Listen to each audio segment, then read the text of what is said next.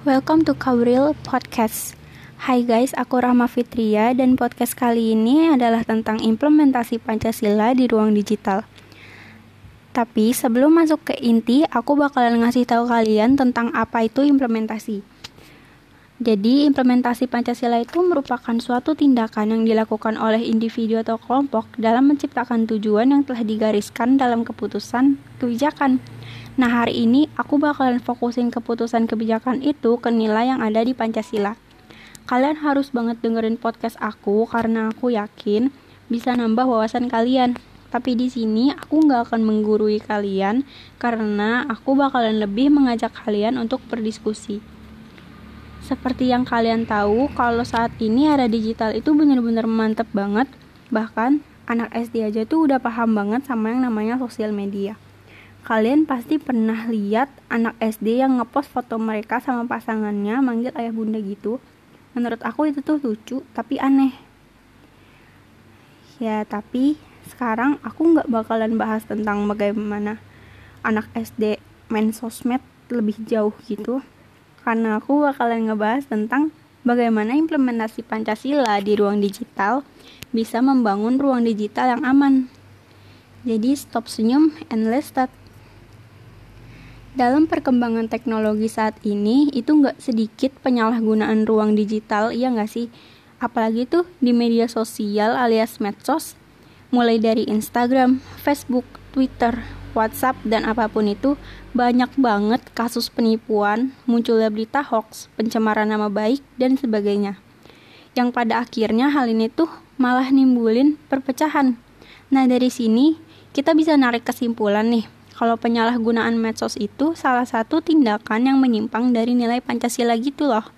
Karena sila ketiga itu kan persatuan Indonesia, di mana Indonesia diharuskan hidup rukun, damai, bersatu, bineka tunggal ika. Tapi karena penyalahgunaan medsos ini muncul perpecahan, langsung deh main kubu-kubuan, salah-salahan, bahkan gak jarang banget muncul keributan. Hal yang kayak gini tuh yang bikin kita harus bener-bener waspada dalam penggunaan media sosial. Tapi kalian tahu nggak sih kalau ternyata wakil kepala BPIP, kalian tahu kan BPIP itu apa? Jadi guys, BPIP itu Badan Pembinaan Ideologi Pancasila. Nah, jadi wakil kepala BPIP ini pernah bilang kalau media sosial itu salah satu perilaku hidup berbangsa dan bernegara. Makanya, penggunaan media sosial itu harus memiliki nilai, norma, dan etika yang berlandaskan Pancasila. Nah, penggunaan media sosial saat ini itu masih didominasi dengan konten yang kurang memiliki nilai-nilai Pancasila. Mungkin kalian sering banget tuh lihat konten yang di dalamnya itu ada unsur saranya gitu. Dan ujung-ujungnya itu malahan nimbulin konflik hal-hal kayak gini itu yang jadi tanggung jawab kita loh sebenarnya. Ruang digital ini tuh harus dijaga biar aman. Tapi apa sih yang harus kita lakuin biar ruang digital itu benar-benar aman gitu? Kalau aku sendiri lebih suka dengan cara memanfaatkan ruang digital sebaik mungkin berdasarkan Pancasila. Sebagai generasi milenium kita harus merawat Pancasila dengan memahami dan mentaati peraturan-peraturan di ruang digital guna membangun pemikiran kritis. Kalau kita udah mengimplementasikan Pancasila di ruang digital nih, aku yakin banget ruang digital itu bakalan aman dan tentram. Menurut kalian gimana? Sependapat gak sama aku?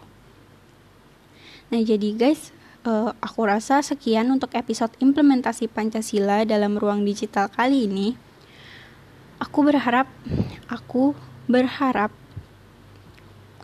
Semoga kalian bisa mulai berkreasi di ruang media sosial dengan mengimplementasikan Pancasila atau apa pun cara kalian, yang pasti itu tetap positif dan bisa membangun ruang digital yang aman.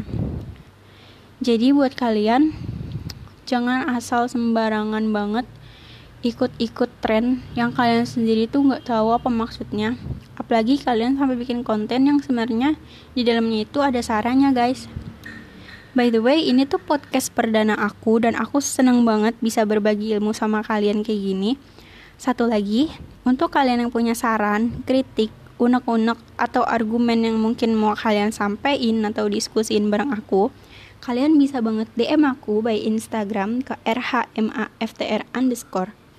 Makasih udah mau ngedengerin. See you next time and enjoy your day. Bye-bye.